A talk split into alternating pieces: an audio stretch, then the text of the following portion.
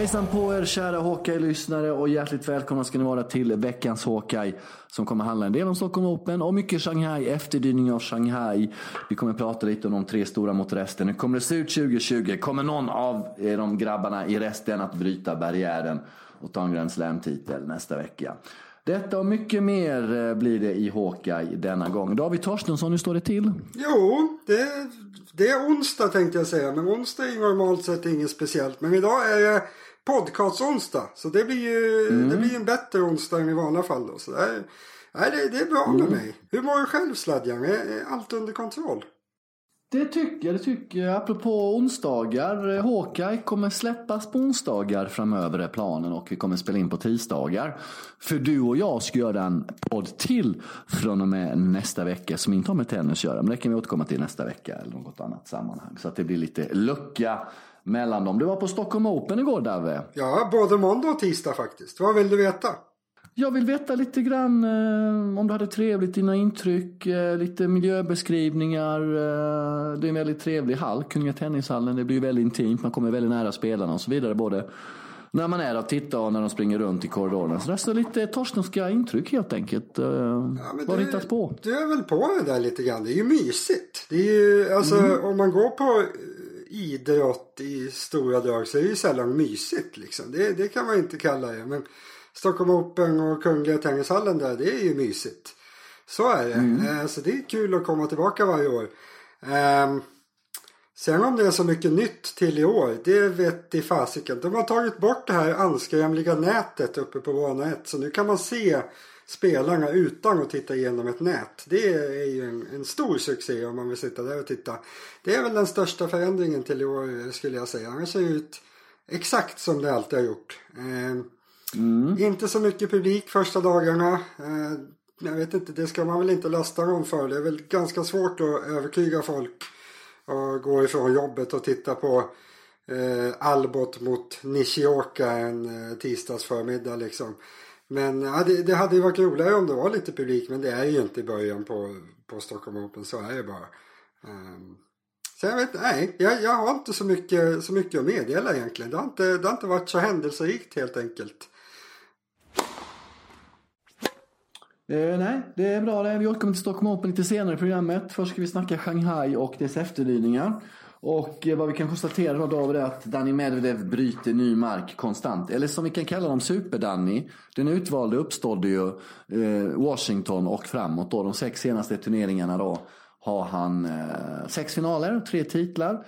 Han har spelat in ungefär 5800 poäng i år och 4350 av dem har kommit i de sex senaste turneringarna. Så vi snackar tre Masters, vi snackar en Grand Slam, en ATP 500 och eh, Sankt Petersburg 150 på hemmaplan som han vann. Och han är alltså den första på 00-talet David, förutom de tre stora plus Andy Murray, som når sex raka finaler. Och han byter ju mark på ett sätt David som säger att han kommer ju dominera fullständigt snart. Påstår jag. Oj! Ja, men det kommer börja dominera mer och mer. Han bryter ny mark, han sätter ju rekord här som egentligen bara de tre stora har gjort här va. Du har hittat ett, ett helt nytt sätt att beskriva honom. Det är vanliga Danny och säger super-Danny. Just nu är han super-Danny, eller hur? Han kan inte förlora. Han har ju varit super, ja han har ju varit super-Danny sen Washington. Visst kan han fortfarande, det det är förluster då mot Kyrgios, Nadal och Djokovic i, under den här tiden då. Och eh, det är väl också de enda tre tror jag som lyckats ta set mot honom. Nej, Djokovic slog han förresten. Eh, det är bara Djokovic, Kyrgios och Nadal som har tagit set mot honom i den här processen dessutom. Eh, så vad påstår du om det då? Ja, han, alltså... här, han, bryter, han slår rekord som talar om för oss att han kommer dominera snart. Nej, det tycker jag inte. Däremot så tycker jag att det, det är intressanta med att han gör liksom saker som ingen annan har gjort än de som är där uppe i toppen. Så det vi började prata om för, ja det är ganska länge sedan nu. Det är säkert någon månad sedan eller två månader sedan så började man prata om att nej men han är uppe på en nivå som ingen annan har varit på jätte, jättemånga år. Det känns väl som att alla nu börjar på något sätt enas om att nej, men nu, nu, han är inte en spelare bakom de tre stora utan han är, han är på väg upp. Kanske på samma nivå som dem. Och det intressanta med allt det här det är väl att det för första gången nu på allvar känns realistiskt att någon skulle kunna i alla fall gå upp på samma nivå. Kanske till och med puffa ner de här Federer, Djokovic och Nadal innan de slutar. Eh, det är ju ganska nytt sett till hur långt ifrån de andra har varit tidigare. När det har varit liksom Del Potro eller ja, Murray, Berdic, Söderling långt tillbaka i tiden. Det, det har inte känts riktigt aktuellt att de som ligger fyra, femma, sexa ska puffa ner de tre bästa om det inte handlar om skador eller någonting. Men nu känns det som fortsätter Medvedev så här då kanske han är bättre än de här om något år. Och det känns ju lite svindlande sett till överlägsna de där tre har varit i ganska länge nu. En eh, världens bästa spelare just nu som Zverev sa eh, på prisceremonin. Är han världens bästa spelare sen Wimbledon och framåt? Nej, det kan han ju inte vara. Eh, det är såklart eh, Nadal. Alltså Nadal har väl vunnit 30 av sina 31 senaste matcher. Eh, slog eh, Medvedev i Montreal och US Open. Så jag vet inte. Det Hittar du ett sätt att vidare till att Medvedev skulle vara bättre än Nadal så får du gärna försöka. Men det känns ju, det är ju helt omöjligt att säga att inte Nadal är bäst just nu. Men han, alltså tittar man resultatmässigt så är han ju tvåa senaste senaste månaderna Medvedev. Och det är under en tid då Djokovic och Federer inte har varit skadade. Så det är väl bra nog kanske. Det är inte varje dag någon är det. Ja, det säger ganska mycket att Rafa måste vinna 30 av sina 31 senaste för att vara snäppet över Danny. Det säger mm. någonting om hur, hur, bra båda är om man säger så. Och vilket sjukt breakthrough Danny har fått i år. Vi har ju pratat länge i tennisvärlden om att vi vill ha något nytt, någon som utmanar de här tre. Och det har vi fått också. Men det är lite större grepp än så. Jag tänkte att vi tittar lite grann statistik här då David. Eh, har, varit, eh, har grävt lite då och tittat på siffror och så vidare. Och om vi då definierar Roger, eh, Rafa och Novak som de tre stora mot resten. Det kan vara en intressant jämförelse. Så tittar vi lite då på Masters-turneringarna 2019 har ju spelats åtta stycken. Det är en kvar, det är Paris. Och då är det fyra lika i titeln mellan de tre stora och de övriga. Eh, finalplatser 2019, två för de tre stora. Det var då eh, RF, Roger Federer, Inja Wells, Djokovic som torskade mot Nadal i Rom. För de, tre, eller, eh, eh, för, för de övriga då eh, så är det då finalplatser i Miami, det var Isner som torskade mot Roger. I Madrid torskade Tsitsipas mot Djokovic och i Kanada torskade de Medvedev mot Nadal. Sen har vi tre Masters då som är Monte Carlo, Cincinnati, Shanghai. Där ingen av de tre stora är final, där det bara var övriga eh, i finalparen. Så Monte Carlo minns ju Fognini slog Lajovic i finalen, ganska Ganska oväntat att han tog sig dit. Cincinnati slog ju Medvedev och Goffin. Och i Shanghai var det då Medvedev mot Zverev. Eh, så där är det fyra lika i titlar då va. Eh, och om vi backar bandet och tar med eh, eh Paris inomhus för ett år sedan ungefär och ATP-slutspelet i London. Då har vi alltså de tio senaste storturneringarna på ett års tid ungefär som inte är Grand Slam. Då vann ju Khachanov Paris och Zverev London. Då är det alltså sex fyrar i titlar till de övriga mot de tre. Eh, så de behåller ju greppet, de håller ju fortet när det kommer till Grand Slam. Så då har de vunnit 11 på raken. Men i Masters har det ju skett ett, ett, en, en liten skiftning kan man säga påstår jag. Vad säger du om detta? Ja, är inte det mest, nu, nu frågar jag mig själv här och jag kommer att svara ja mm. på frågan. Att det mest intressanta med det är inte det att Masters-turneringarna börjar bli lite mindre fräsiga på något sätt. För alltså som jag minns Masters-turneringarna så är, har det varit lite liknande Grand Slam-turneringarna. Att det är ingen annan än de bästa som har vunnit dem. För de bästa har varit så pass överlägsna. Nu tycker jag egentligen det fortfarande är så. De är fortfarande så överlägsna som du säger. De har vunnit 11 Grand Slams i rad. Och det talar ju för att nej, men det är bara de bästa som vinner. Men Masters-turneringar, det vinner de inte. Eh, och tittar man på nu är jag och mitt minne igen, men tittar man på det jag faktiskt minns av Masters-turneringarna i år. Så förlusterna för Djokovic eller för Nadal eller för Federer. Alltså det känns som att många av dem är förluster där de kanske hade vunnit matchen om det varit en Grand Slam-turnering. Det är i alla fall min känsla lite grann att de har väsentligt mycket färre liknande förluster i Grand Slam-turneringar. Eh, jag vet inte, bryr de sig helt enkelt lite mindre om Masters-turneringarna numera de bästa utan det är bara Grand Slam-turneringar som gäller nu för, nu för tiden för dem. Det tycker jag är supertråkigt om det nu är så och dina siffror är, det känns väl som att det kanske är lite lite talar för det. För om man, om man tar Sverige till exempel. Han har ju inte vunnit så här supermånga Grand Slam-turneringar det senaste året. Men han har vunnit ett par Masters och varit i final i några fler. Det är ju ingen slump. Alltså det, är han, det är till liten del att absolut han spänner sig Grand Slam-turneringar hit och dit. Men det är ju mest så att alltså det är enklare att vinna när någon annan slår ut Djokovic eller när Federer är borta eller Nadal är skadad. Det är klart alltså, det David, det är klart. Ja. Men om vi tittar på, alltså, titta, titta på de, de här tio senaste då som inte är Grand Slam. Då har vi åtta olika vinnare. Jag försöker, det är mycket bredare och Mm. och det, öppnare ja, jag vet. Och det talar, ju på, det talar ju för dålig klass. Det är ju dåligt. Det är. Absolut, absolut. Men fortfarande så är det ju så att eh, statistiskt sett så har de övriga gjort ett breakthrough. De, eh, de har liksom eh, eh, har, har, har en fot innanför dörren. Ja, Som det är nu. Och nästa fot ska in då när man, om man lyckas Precis. på Grand Slam. Jag menar, den här diskussionen hade vi inte haft för två år sedan. För då hade inte det här underlaget till den här diskussionen existerat. Nej, så är det absolut. Eh, Du, alltså, frågan är ju fullt berättigad. Det är bara det att jag svarar med förklaringen Mm. att de bryr sig lite mindre om Masters-turneringen. Sen får vi ju se. Alltså, Grand Slam-turneringar är ju ganska få. Det är ju fyra per år och därför behöver man ju flera, flera år kanske för att se om trenden stämmer där eller inte. Det kan ju vara slumpen som gör att de fortfarande har hållit fortet i Grand Slam-turneringarna. Jag tror kanske inte det utan att det snarare är att de har lite större fokus där. Men vi får väl se. Börjar Sverige vinna Grand slam nästa år, ja men då är de ju kapp de andra. Då är det ju bara, då är det bara att säga det.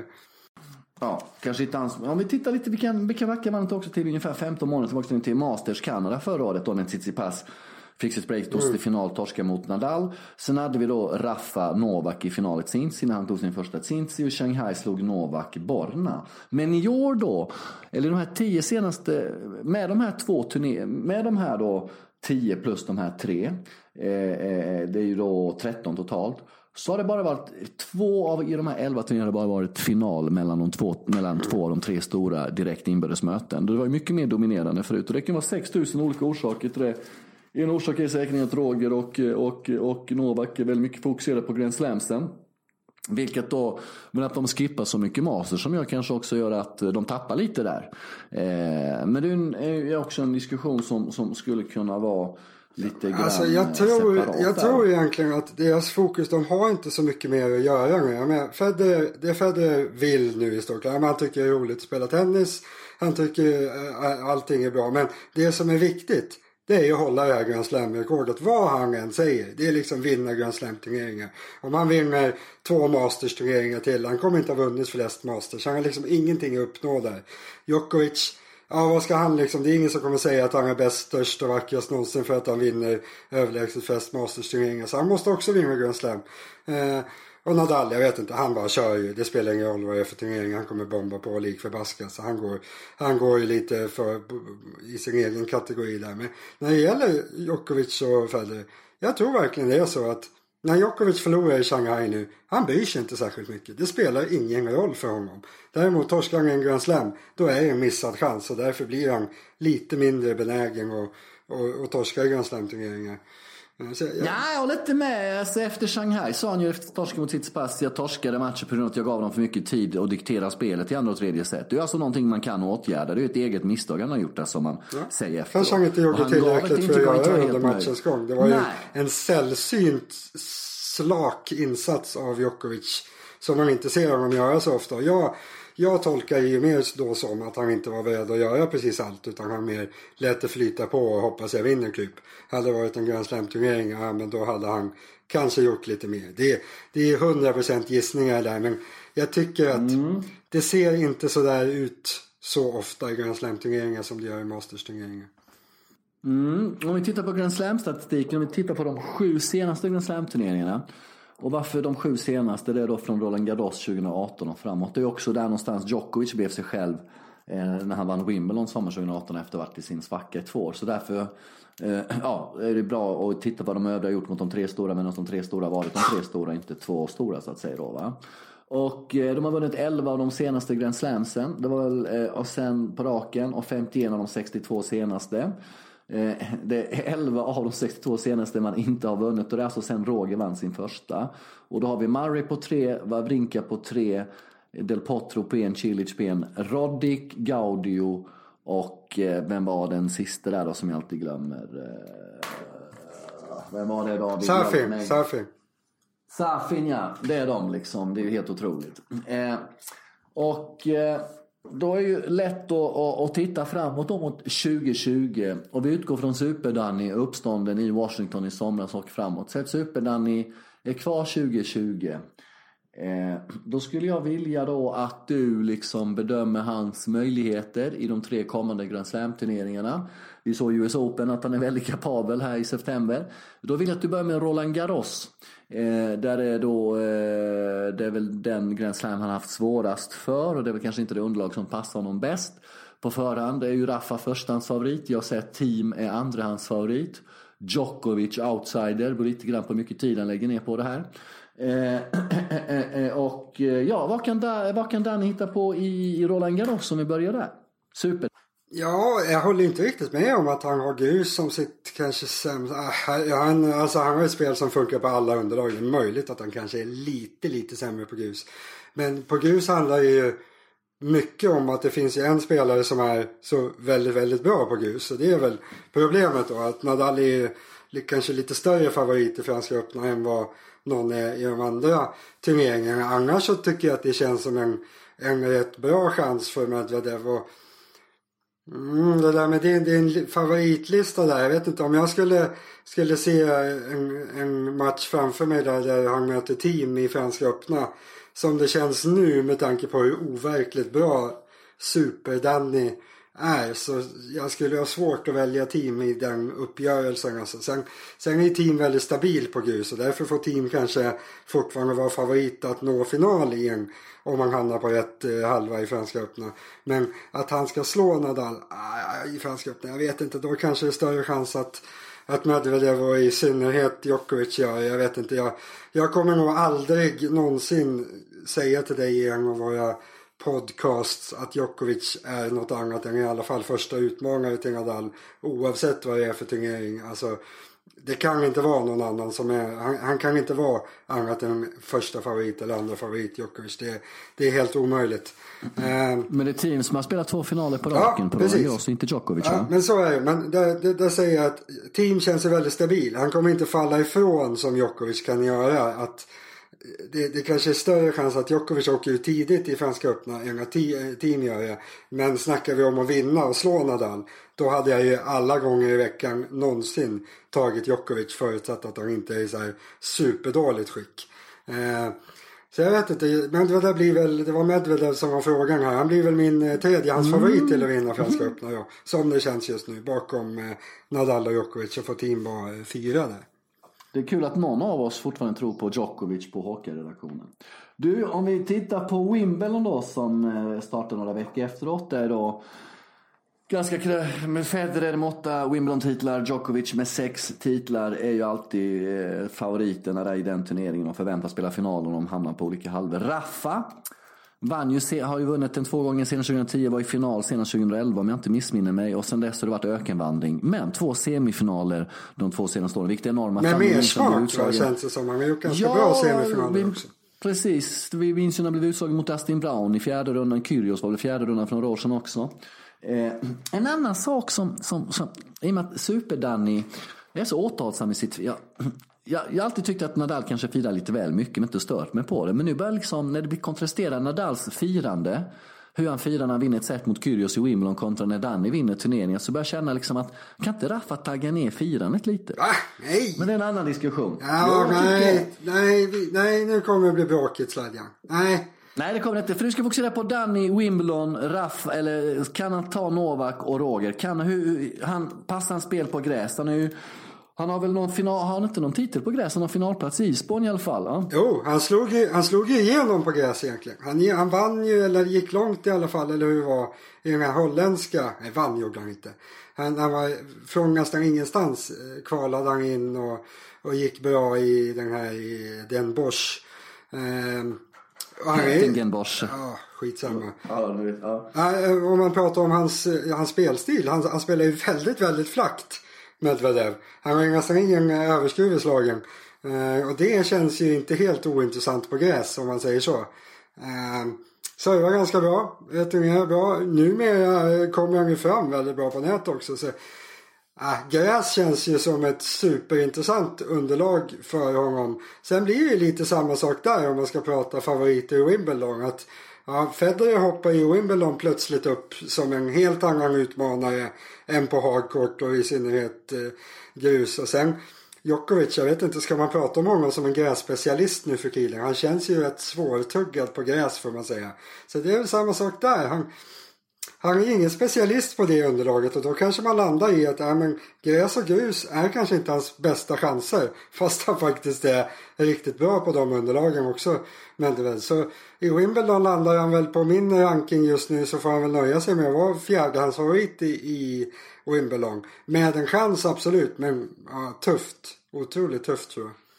Men du, han är ju väldigt spelintelligent Danny. Vi har ju sett många prov på att ändra taktiken under matchen och anpassa efter motstånd. Gräs kräver ju rätt mycket spelintelligens av spelarna. Det borde ju vara en, en, en passa som handsken. Ja, ja jag, jag, har ingenting att säga emot det. Att han liksom, han, han, han har han har också förmågan att ändra sin taktik efter motståndaren och vara efter matchen lider väldigt bra i Grand Slam-turneringar och i synnerhet på gräs där, där man kan behöva ändra saker. Eh, så jag, jag har liksom ingenting att säga emot att han skulle kunna vara hur bra som helst på gräs. Det är bara det här att ja, motståndet är rätt bra ändå. Så om ämnet är kommer Medvedev vinna någon av de tre första Grand Slam-turneringarna nästa säsong. Så även om han är bra på grus och på gräs har kapacitet att vara hur bra som helst. Så landar jag kanske i att hans bästa chans möjligen ändå är på hardcourt. Mm. Eh, bara kort då, eh, Av de sju senaste finalerna i Grand Slam så har då eh, fem stycken, eller så har det då varit deltagare från de övriga fem gånger. Så där närmar man sig också även om det är liksom det sista steget som, som, som ska tas då. TM två år i rad i Franska öppna, Delpo förra året US Open, Kevin Andersson förra året Wimbledon och så Medvedev nu i US Open. Eh, då är nästa turnering då Australian Open, Hardcourt, januari. Ehm, ja, där kanske man ska se upp mycket för Superdanny då. Det får väl, det får väl bli där han vinner ja. Mm. Eller vinner Djokovic? Berätta Sladden, berätta att Djokovic inte vinner så kan vi avfärda honom direkt. Den är ju jättesvår i och med att det där han, han brukar vara bäst att komma ordentligt förberedd till. Eh, men nu är det lite annat eh, ljud i källan här och de möttes ju Australian Open förra året i fjärde rundan. Var det inte så? En mm. match som Danny lika gärna kunde ha vunnit, lika kunde vinna om inte jag missminner mig. Ja, han, var, han, hängde med. Det var, det var egentligen första gången han gjorde en riktigt bra match som jag tänkte på i alla fall mot en av de bästa. Så det var liksom lite, lite försmak på det som har kommit ett halvår senare egentligen. Det var en väldigt bra match. Jag skulle nog inte säga att han var nära att vinna men det var förhållandevis jämnt. Det blev väl 3-1 tror jag. Mm, men han, de, han passar inte, Joe, med, Medvedev passar inte Djokovic så bra heller riktigt. Och eh, Zverev sa väl också efter Shanghai där att eh, en del eh, tittare klagar då på att spelarna eh, attackerar mindre, spelar mer försvarsinriktat mot Zverev. Men för att de inte får möjlighet till att anfalla. Eh, och det är ju rätt mycket olika omständigheter som spelar in där. Men eh, Australian Open bör ju vara hans bästa chans rent tidsmässigt sett. Det ligger ganska nära i tiden. Det kan vara ett smidigt sätt att konservera formen och så vidare. Han kör ju Wien nästa vecka, därnäst är det då Paris. Och sen är det då ATP och sen spelar han väl Davis Cup också antar jag för Ryssland skulle jag kunna tänka mig. Eh, så det är det som är kvar på schemat. Men eh, vågar du säga rakt ut att eh, eh, de tre stora inte kommer hålla fortet nästa år och ta alla fyra Grand Slam? Eller kommer någon annan lyckas vinna en av dem? Vad, vad är din magkänsla just idag? Nej, jag, jag, tror inte att någon annan vinner nästa år heller. Eh, som sagt, jag, jag, man, om man tittar på sannolikheter så ja, jag tror att Nadal vinner Franska öppna. Jag tror att Djokovic vinner Wimbledon. Eh, Australian Open. Jag tror att Nadal och Djokovic har ju liksom överlägsna chanser där. Jag tror ju att någon av dem vinner. Eh, sen går man framme vid US Open. Ja, ungefär samma sak. Det, jag tror Nadal och Djokovic kommer ju vara favoriter. Federer skvalpar någonstans där bakom. Och det, alltså skrällchanserna ökar lite grann. Särskilt nu när Medvedev har kommit. Att någon gång eh, logiskt sett så får han få på en fullträff och vinner. Men ska man titta på de här fyra chanserna som finns för er nästa år så nej, jag tror inte. Jag tror inte att någon annan vinner nästa år. Eh, och tittar man på de andra spelarna, de som är ytterligare lite, bakom som typ Zverev som vinner Masters-turneringar och går till final i Masters-turneringar. Jag, jag, tror inte att han kan vinna en Grand Slam för jag tycker inte att han är tillräckligt bra. Så Ska, ska, ska någon annan vinna utan att något på superduperkonstigt Super, vinner, då är det Medvedev. Ja, det är bara Medvedev som kan, som kan ta det steget. För han eh, vet ju själv. Och det är också intressant att se, vi vet ju att det har varit mycket tjafs mellan honom och Tsitsipas. Också intressant att se hur Tsitsipas skakar hand med honom efter matchen. De här Tsitsipas och Zverev, de här Next Gem, som kanske var utmålade till att vara de som flyttade undan de här tre, har ju uppenbarligen sett vem som har mest potential och vem som kommer göra det. De behandlar man helt, en helt annan respekt idag än man gjorde innan eh, hela den här grejen. Eh, ja, vilket eh, han har förtjänat, Danny. Vi kanske säger någonting om eh, jag tror Tsitsipas är en av de falskare spelarna på touren. tror också det, faktiskt. Vi, vi, Men det vet jag ingenting om. Ja. han, kan, han är inte Eh, här och, och kan försvara sig måste du säga då också. Du säger alltid så. Han är inte här. Mm, mm. Det var någonting jag lärde mig på en journalistisk folkhögskola på 90-talet. Du, eh, hur påverkar då, för att det är uppenbarelsen av det, av, ska vi kalla honom för Jesus? Tennisens Jesus helt enkelt. Ska vi gå så långt att vi kallar honom för tennisens Jesus just? Ja, varför inte? Han har, ja. Ja, Jesus Medvedev som han numera heter då. Eh, hans uppenbarelse och eventuellt, kommer det här påverka eh, titel Grand Slam-racet mellan de tre stora, hans uppenbarelse? Och om han kanske då lyckas nypa någon titel nästa år eller 2021? För det här kanske är bra för Roger ärligt talat. Kan, kan, är Danne den som sätter stopp på, på, på Nadals och Novaks titlar? Jag fick, en jag fick en svindlande tanke om att det bara blir Medvedev som slutar med att han vinner 30 Grand Slam-titlar till slut. Vilket han såklart inte kommer göra. Men en ganska intressant, innan jag svarar på din fråga som jag redan har glömt. Ganska intressant med Medvedev är, är att han Alltså han spelar ju så här bra som han spelar i varje match. Det känns som det är otroligt lite som kan gå fel för Medvedev. Och det är det som gör också att han har gått till sex raka ATP-finaler. Att nästan alla tennisspelare har ju liksom många saker i sitt spel som kan gå fel. Att forehanden kan klicka lite, man kan serva dåligt. Det kan vara det och det och det och det. Men tittar man på Medvedev och hans matcher nu senaste, ja men sen i somras egentligen. Alltså han har hållit samma nivå hela tiden. Om det skulle bli så att han blir bäst. Att han, han hoppar upp på samma nivå som de bästa nu. Sen lägger de av och så de som är kvar det är Zverev och, och de här pojkarna och då, de är inte i närheten. Då skulle det kunna bli så att ja, men Medvedev bara nöter på och spelar normalt i alla Grand Slam-turneringar och vinner hela skiten. För det kommer inte upp någon som är lika bra som han. Svindlande tanke. Frågan var att eh, om man påverkar, ja det är klart det är bra Ja, för, det är klart det är bra för Federer. Alltså om man kan knipa en eller två som Djokovic eller Nadal annars hade vunnit. Det, det kan ju, teoretiskt sett kan det ju rädda Federer. Jag tror inte att ens det kan rädda honom i och för sig. För Nadal och Djokovic har lite för många chanser kvar medan Federer kanske inte har någon chans kvar. Så, eh, Nadal kommer ju vifta in ett par till eh, och Djokovic tror jag också kommer vinna ett knippe till. Så Federers rekord är nog dödsdömt i alla fall. Men det kan ju kanske hjälpa honom att, att leva ett par år till med rekordet. Det är inte omöjligt. Så det är ett hopp för Federer. Eh, är Danny redan trea i världen vid årsslutet här? Och förbi Roger? Ja, rankingmässigt gick han ju om på årsranking i förra veckan och det, det känns väl som att han kommer utöka. Eh, han är väl kanske lite bättre på något sätt redan nu. Alltså, Federer känns inte så jättestabil längre. Sen har nog Federer möjligen lite högre kapacitet på vissa underlag i alla fall. Men nej, jag vet inte, det är, snart får man väl säga att Medvedev bara är bättre än Federer. Det känns väl inte alldeles långt bort i alla fall. Mm. Ser själv när man har läst lite med honom att det var någonting som hände som klickade för honom i USA när han kom dit. Som att allt jobb, all, all, all liksom Jesus, energi. det var all... Gud som hjälpte honom kanske. Ja, men till slut så betalade det av sig kan man säga. Jag har en fråga Sladjan runt Medvedev. Har du tänkt på att han slutade gnälla i precis samma veva som han hoppade upp en nivå? Tror du att han bestämde sig för att sluta gnälla och då började spela bättre? Eller slutade han gnälla när han började spela bättre?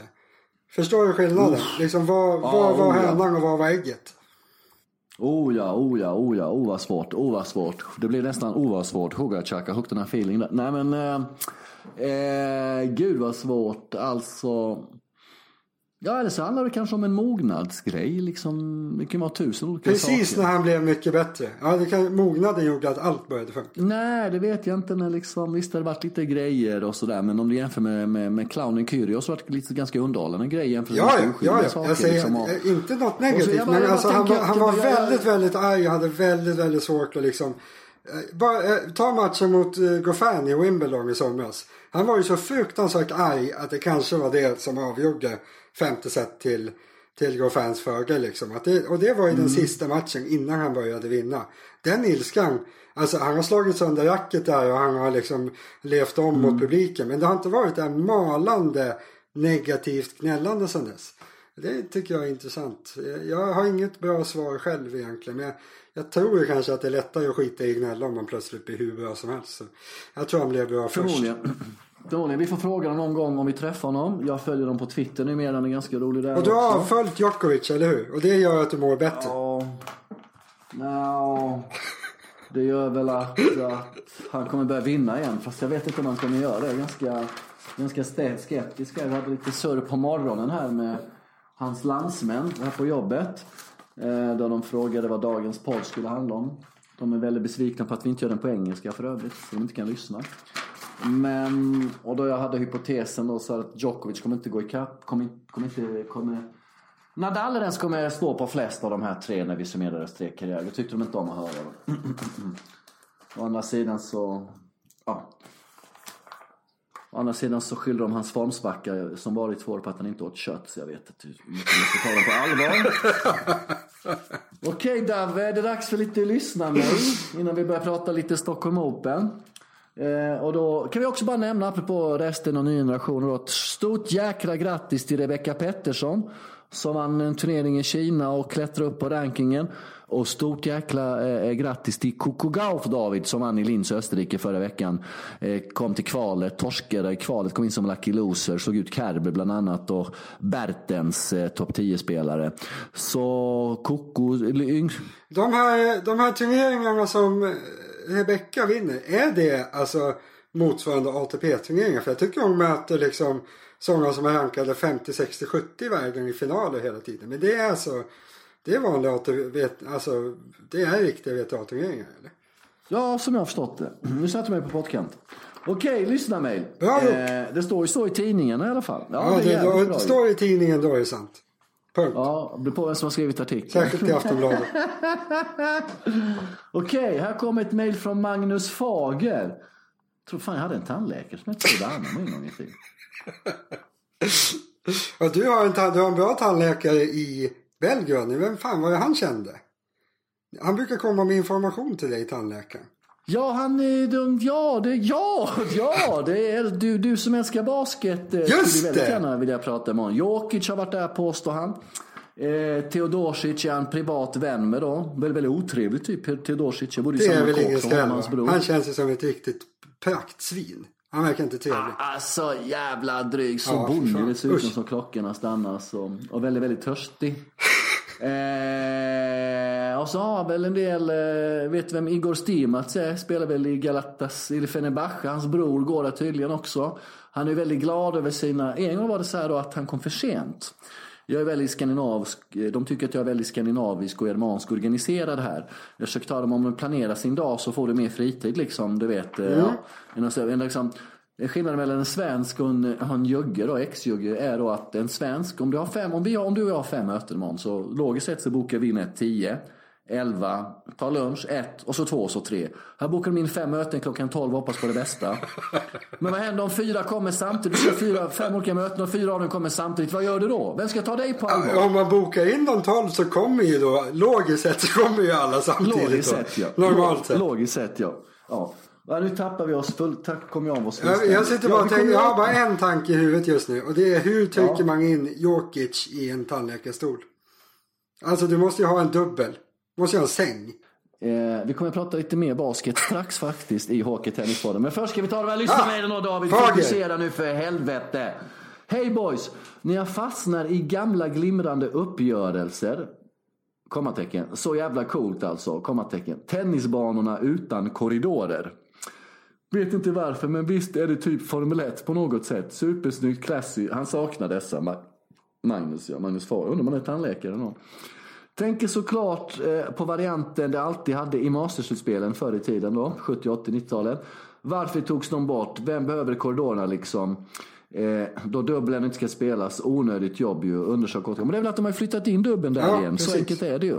Det fa- för, visst fanns jag- det ett eget Masters-slutspel i dubbel där de bara spelade dubbel förut? Yes, yes, yes. Det kan yes, inte varit yes. lätt att sälja biljetter till det eller? Nej, men kan vi inte lägga dubbelparen med snorisarna i Milano så har vi ett eh, ATP-spel för de vuxna utan korridor. Ja, faktiskt en bra Ja. idé. Det skulle Ja, då passa. har vi löst det. Ja. Ja, då har vi löst det. Vi är världsklass på oss idag. Eller så kanske dubbelspelarna kan bara kan spela i någon källare eller något i London där och så kan vi köra utan. Jag håller med Fager. Jag tycker att det ser jättemysigt ut utan korridorerna. Så bort med skiten. Ja, och följ oss på Instagram eh, Fager och skriv till oss om det är tandläkare eller inte. Det är vi jättenyfikna. Och har du kanske någon koppling till, till, till Värnamo till och med. Eh, du brukar säga, du brukar skryta med David att du har dåligt minne. Det vet du va? Ja. Att du brukar skryta med. Idag har jag haft väldigt bra minne. Jag har rabblat massor med saker som är långt tillbaka. Det, det tar sig. minns du att du, du minns, minns du att vi för några veckor sedan att du listade svenska talanger med mest potential som inte blev någonting? Har du något minne av det? Ja, ja, ja. Kanske var två, tre, fyra ja, veckor ja, sedan. va? Daniel Windahl. Ja, och nu har hans bror skrivit till oss vet du. Mäktigt. Va? Ja, så här skriver då Christian Windahl. Eh, Hej grabbar! Först och främst tack för en bra och rakryggad podd. Tack, tack, tack så mycket. Rakryggat tycker vi om när folk tycker att vi är. Eller hur? Mm. Lyssnade nyligen på avsnittet Storform. Jag vet att jag är några veckor bakom. Skrev jag kunde inte hjälpa att bli så stolt när ni listade upp min bror Daniel Windahl som en av de spelarna som kunde blivit bra. Eh, som ni korrekt påpekade la han av på grund av mycket skräp som hände bakom kulisserna och som gjorde hans jobb till något han inte såg fram emot längre. Ja, det är ingen rolig grej det där alltså. För övrigt kul att alla spelarna du listar då, Torstensson, kom från samma klubb i Helsingborg, IS Göta. Fan, jag har ju två sy- vet jag, jag försökte få mina systrar till att spela tennis men det har de inte velat. Fan, synd tycker jag. Nu är det ju ganska så mycket för Ja, om de inte börjar spela i Göta ja, för det verkar ju gå totalt käpprätt åt hmm, hmm, för dem till slut. Mm, så kan, ja, det är, det är också en så. Han, han bidrar även med en fråga här då, Christian. Hur bra koll har ni på dagens svenska juniorer som eventuellt är och kämpar på ITF och ETA-touren? Kan själv inte påstå att jag kan särskilt många namn på Sveriges framtida elit. Inte jag heller, Christian.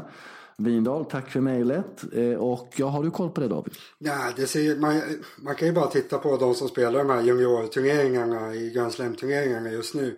Eh, och de är ju, det finns väl en eller två som försöker där ibland och de är ju eh, i internationell jämförelse helt värdelösa. Så det ser väl eh, ungefär så mörkt ut som det har gjort i massor av år nu. Minus bröderna Ymer då såklart som, som har visat sig som juniorer och sen också blivit bra. Men i övrigt så eh, det, det finns ju ingen som kommer bli bra på tennis från Sverige på massor av år. Eh, Ja, de som spelar juniortennis nu, inte bra. Dina tvillingar då? Eh, De kommer inte spela tennis. Varför inte? Nej, jag, alltså, jag vill ju inte sitta i tennishallar hela tiden sådär liksom. Nej. Eh, Jag hade nog tänkt Men det handlar ju om dig David och inte dina barn. Ja, Ja, du frågade ju mig vad, om de skulle... tennis. Nej, de ska spela golf. Jaha, okej, okej, okej. För då blir det lite lättare, lättare för att gå runt utomhus då. Ja, men jättemysigt. Jag kan följa med dem och spela golf och sen kan jag sitta i ja, klubbhuset där och äta väldigt, alltid gott att äta lunch på golfbanor. Så sitter man kvar så här jättelänge och så börjar man ta ett glas vin och så blir det en liksom trevlig heldag. Eh, det kommer inte hända om jag sitter i i um, UTK-hallen i Uppsala och tittar på dem spela. Så, nej, jag tror vi sätter dem på, på golf istället. Vad har du käkat för lunch eh, måndag, tisdag på Kungliga Tennishallen? Har du varit där då? Eh, kycklingwrap. Jaha, sån här jättedyr som smakar skit eller? Nej, okej. Eh, Det fanns liksom ingen vanlig mat riktigt. Det, var, det brukar alltid finnas eh, köttbullar med mos där som jag aldrig får hemma för min fru hatar både, ja framförallt mos då. Eh, Men det har de tagit bort i år. Det var ju tråkigt tycker jag. Så då fick jag ta kycklingwrap istället. Mm, okej, okej, okej. Så du, har du sett Jonas Björkman möjligtvis de här två dagarna? Nej, inte nej, inte vad jag har sett faktiskt. Ingen av dem? Nej. Nej, okej, okej, okej. Andra intryck, någonting du vill dela med dig av? Eh, Något sportsligt intressant? Har du sett någon match som du som har etsat sig kvar i minnet kanske? ja, det är väl Elias Ymers match igår i så fall. Eh, Mm, vad hände där då? Ja, han förlorade. Han hade 5-4 i första och kändes liksom eh, som att det var klappat och klart. Men sen blev han superduper mega nervös. Eh, Forehanden slutade funka fullständigt och ja, sen bara förlorade han mot Sugita. Det är väl tråkigt. Tråkigt att han blir så där nervös faktiskt. För man ser ju hur bra han är. Ja, man hann ju liksom se hur bra han är. Men sen så slutar det med liksom en, en, en ja, stor förlust till slut ändå. Eh, För han inte klarar av att hålla nerverna i styr. Så det är väl den matchen jag, jag hittills minns och eh, ja, jag vet inte, det blir, det blir mest deppigt att bara, bara spåna vidare på det där. Men synd att han inte lyckas hålla i det lite grann. För han hade ju superbra lottning också. Han skulle ju ha mött Opelka som torskade mot Travaglia i första. Så han hade varit klar favorit i andra omgången om han bara hade slagit Sugita som egentligen var lucky loser här. Han förlorade i kvalet mot Popyren. Så superchans. Han hade det liksom i egna händer. Ledde 5-4 i egen serve. Kände stabilt men så blev han nervös och så rasade det ihop. Så det var ju lite tråkigt. Eh, Ny chans idag. Mikael Ymer spelar idag. Eh, Jag tror han vinner faktiskt.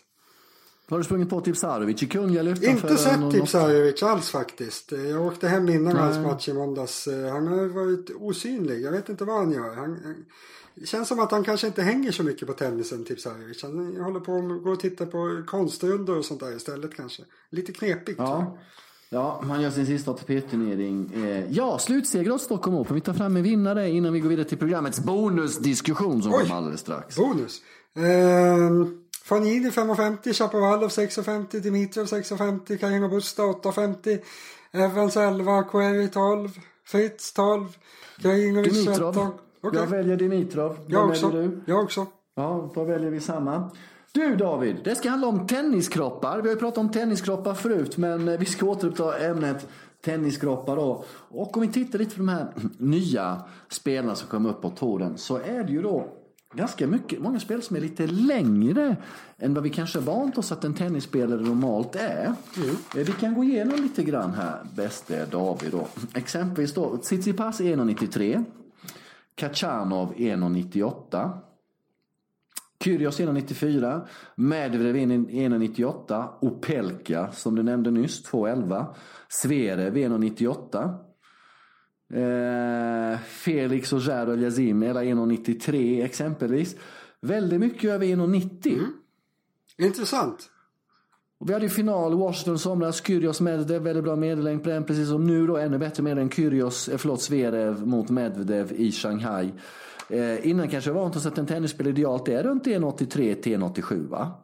Men håller det här på att förändras? Ja men alltså det där med, det, man har alltid sagt det där, mellan 1,80 och 1,90 ska man vara någonting. För Federer är ju det och då är ju, då är ju bäst liksom. Men Ja, Rafa och Novak också faktiskt är i det längdspannet. Precis. okej då.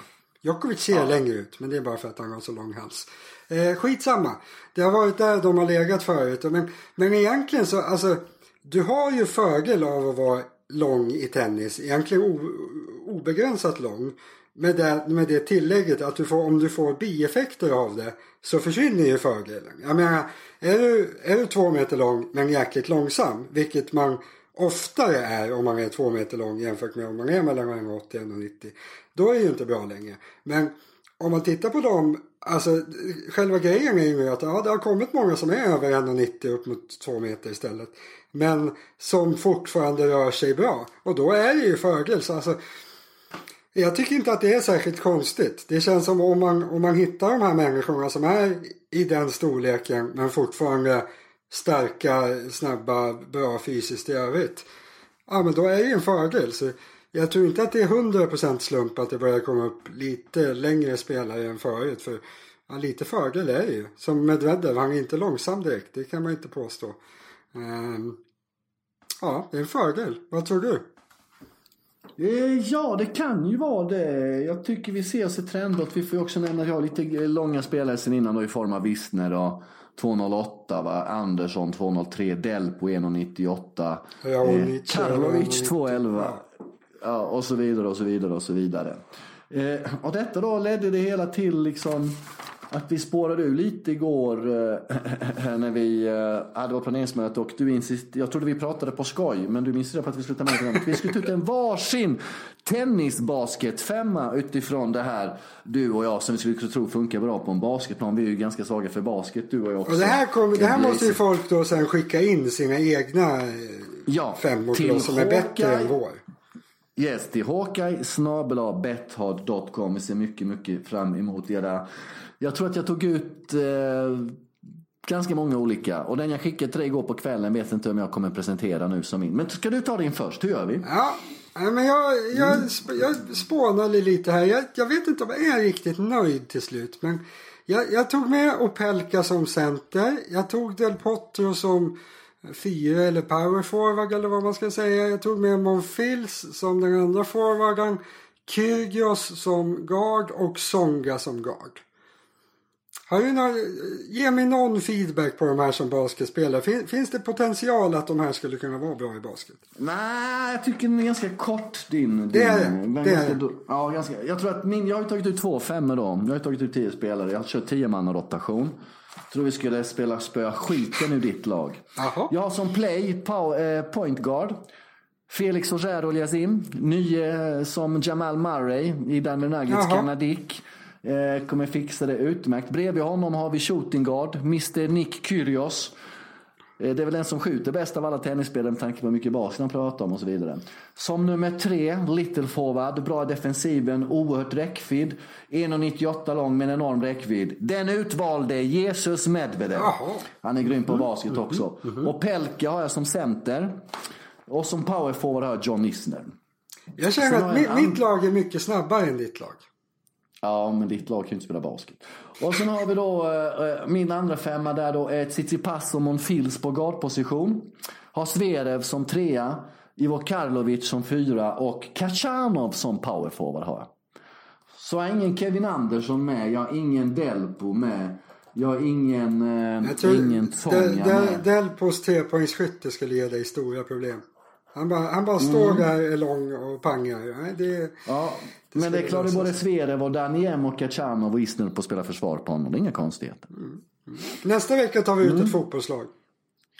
Ja, Jag vet inte, jag tycker inte det är lika kul. Jag tycker det är skitkul. Det kan man eh, fantisera Men har vi inte gjort mer. det någon gång redan? Det Har vi inte någon gjort det gång, någon gång gjorde vi någonting. Det kanske vi har gjort. Ja. ja. Kanske Vad skulle, skulle Federer ta plats i din startelva? Nej. Och Okej, skulle Nadal ta plats i din startelva? Ja, mitt, mitt. Som vilken position Mitt, då? mitt. Och Novak? Skulle han ta en plats? Svår att placera Novak. Han Du kanske får, att han han får ta mitt mitten med, med Nadal kanske. Nej, han är vänsterfotad vet. Så de kanske ska ha på en vänsterkant någonstans. Jag får lite bredd där. Det, kanske, det är inte så vanligt med vänsterfotade eh, fotbollstennisspelare. Så där kanske du har en, en wingback kanske. Du kör 3-5-2. Ja, nu får vi lägga ner det här Ja. Vi är tillbaka nästa vecka. Följ oss på sociala medier. Hawkeye, Underline Podcast eller vad det heter. Spela på Betthard. Ja, men spela ansvarsfullt. Din basketstart femma där, fan vad det heter då. Skicka gärna med till oss på det.